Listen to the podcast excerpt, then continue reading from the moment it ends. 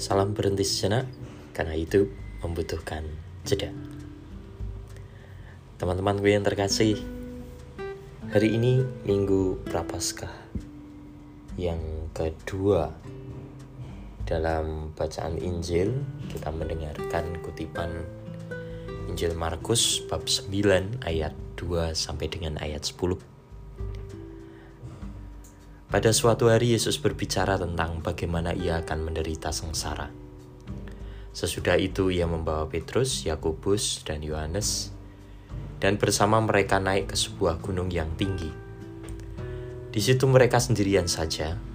Lalu Yesus berubah rupa di depan mata mereka dan pakaiannya sangat putih berkilat-kilat. Tidak ada seorang pun di dunia ini yang sanggup menggelantang pakaian seperti itu. Maka nampaklah kepada mereka Elia dan Musa, keduanya sedang berbicara dengan Yesus. Lalu Petrus berkata kepada Yesus, "Rabi, betapa bahagianya kami berada di tempat ini.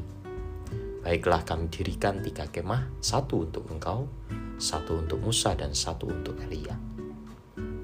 Petrus berkata demikian sebab tidak tahu apa yang harus dikatakannya, karena mereka sangat ketakutan. Maka datanglah awan menaungi mereka dan dari dalam awan itu terdengar suara. Inilah anakku terkasih, dengarkanlah dia. Dan sekonyong-konyong, waktu memandang sekeliling, mereka tidak lagi melihat seorang pun bersama mereka, kecuali Yesus seorang diri. Pada waktu mereka turun dari gunung itu, Yesus berpesan supaya mereka jangan menceritakan kepada siapa pun apa yang telah mereka lihat itu sebelum anak manusia bangkit dari antara orang mati. Mereka memegang pesan tadi sambil mempersoalkan di antara mereka apa yang dimaksud dengan bangkit dari antara orang mati. Demikianlah Injil Tuhan. Terpujilah Kristus. Teman-teman,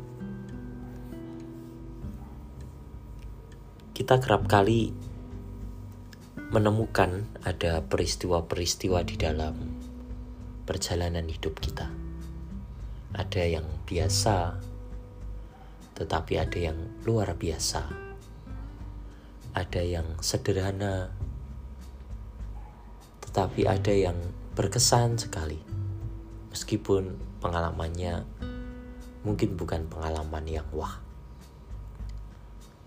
Hari ini para murid mengalami peristiwa yang sungguh luar biasa. Mereka melihat gurunya, Yesus sendiri, berubah-ubah. Pakaiannya sangat putih, berkilat-kilat. Pengalaman itu, peristiwa itu membuat para murid sungguh-sungguh berdecak kagum, tetapi juga terkaget-kaget Mungkin juga ada pengalaman gentar dan takut. Tapi ini adalah pengalaman puncak atau peristiwa puncak di dalam kehidupan mereka. Dalam situasi seperti itu, Petrus mendirikan kemah, menawarkan kepada Yesus untuk mendirikan kemah. Kita pun demikian dalam peristiwa-peristiwa syukur, gembiraan luar biasa. Kita mendirikan kemah syukur pula. Berdoa, berterima kasih kepada Tuhan. Tetapi Tuhan tidak ingin kita hanya berhenti dalam kemah syukur ini.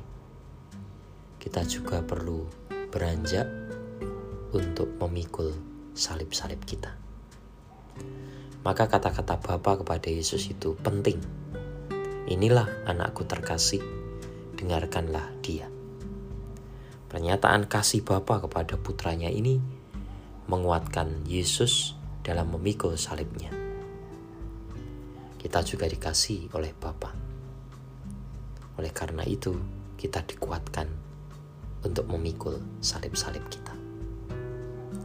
Salam berhenti sejenak. Tuhan memberkati.